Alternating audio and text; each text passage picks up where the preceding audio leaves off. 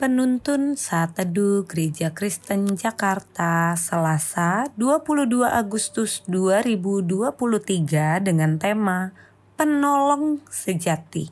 Firman Tuhan terambil dari Mazmur 46 ayat 1 sampai 3 berkata demikian.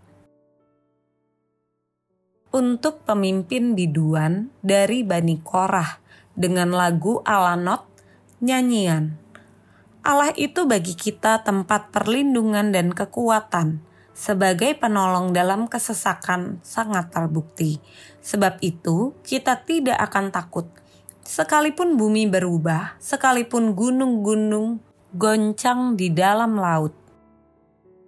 Krisis ekonomi yang berkepanjangan akibat pandemi COVID-19 telah membawa dampak buruk bagi banyak pihak Salah satu dampaknya adalah terjadinya PHK massal di berbagai tempat, termasuk perusahaan-perusahaan besar seperti Google, Facebook, dan Microsoft, yang juga melakukan PHK secara besar-besaran.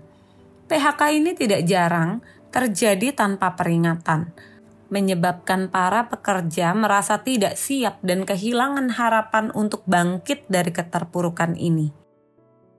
Nats ini mengajarkan kepada kita bahwa hanya Tuhan yang merupakan satu-satunya penolong yang sejati.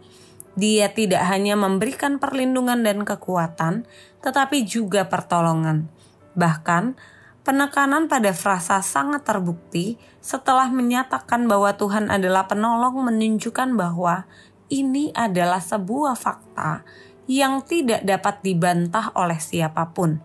Dengan kata lain, pertolongan Tuhan bagi umatnya bukan sesekali saja, tetapi berkesinambungan. Tuhan memberikan pertolongannya pada waktu yang tepat dan dengan cara yang luar biasa bahkan dalam kondisi atau keadaan yang tampaknya mustahil sekalipun. Pernyataan bagi setiap kita, apakah kita sungguh-sungguh mengimaninya ataukah justru kita masih tetap meragukannya meskipun berulang kali kita mengalami pertolongan dari Tuhan? Marilah setiap kita tetap intim dengan Tuhan dengan tidak patah semangat. Tetaplah berharap penuh kepada Yesus Kristus yang tidak hanya sanggup menolong kita, tetapi juga memberikan kita kekuatan untuk melalui masa terburuk kita. Kehadiran Yesus Kristus, penolong sejati kita, membawa kita menjalani hidup dengan penuh pengharapan.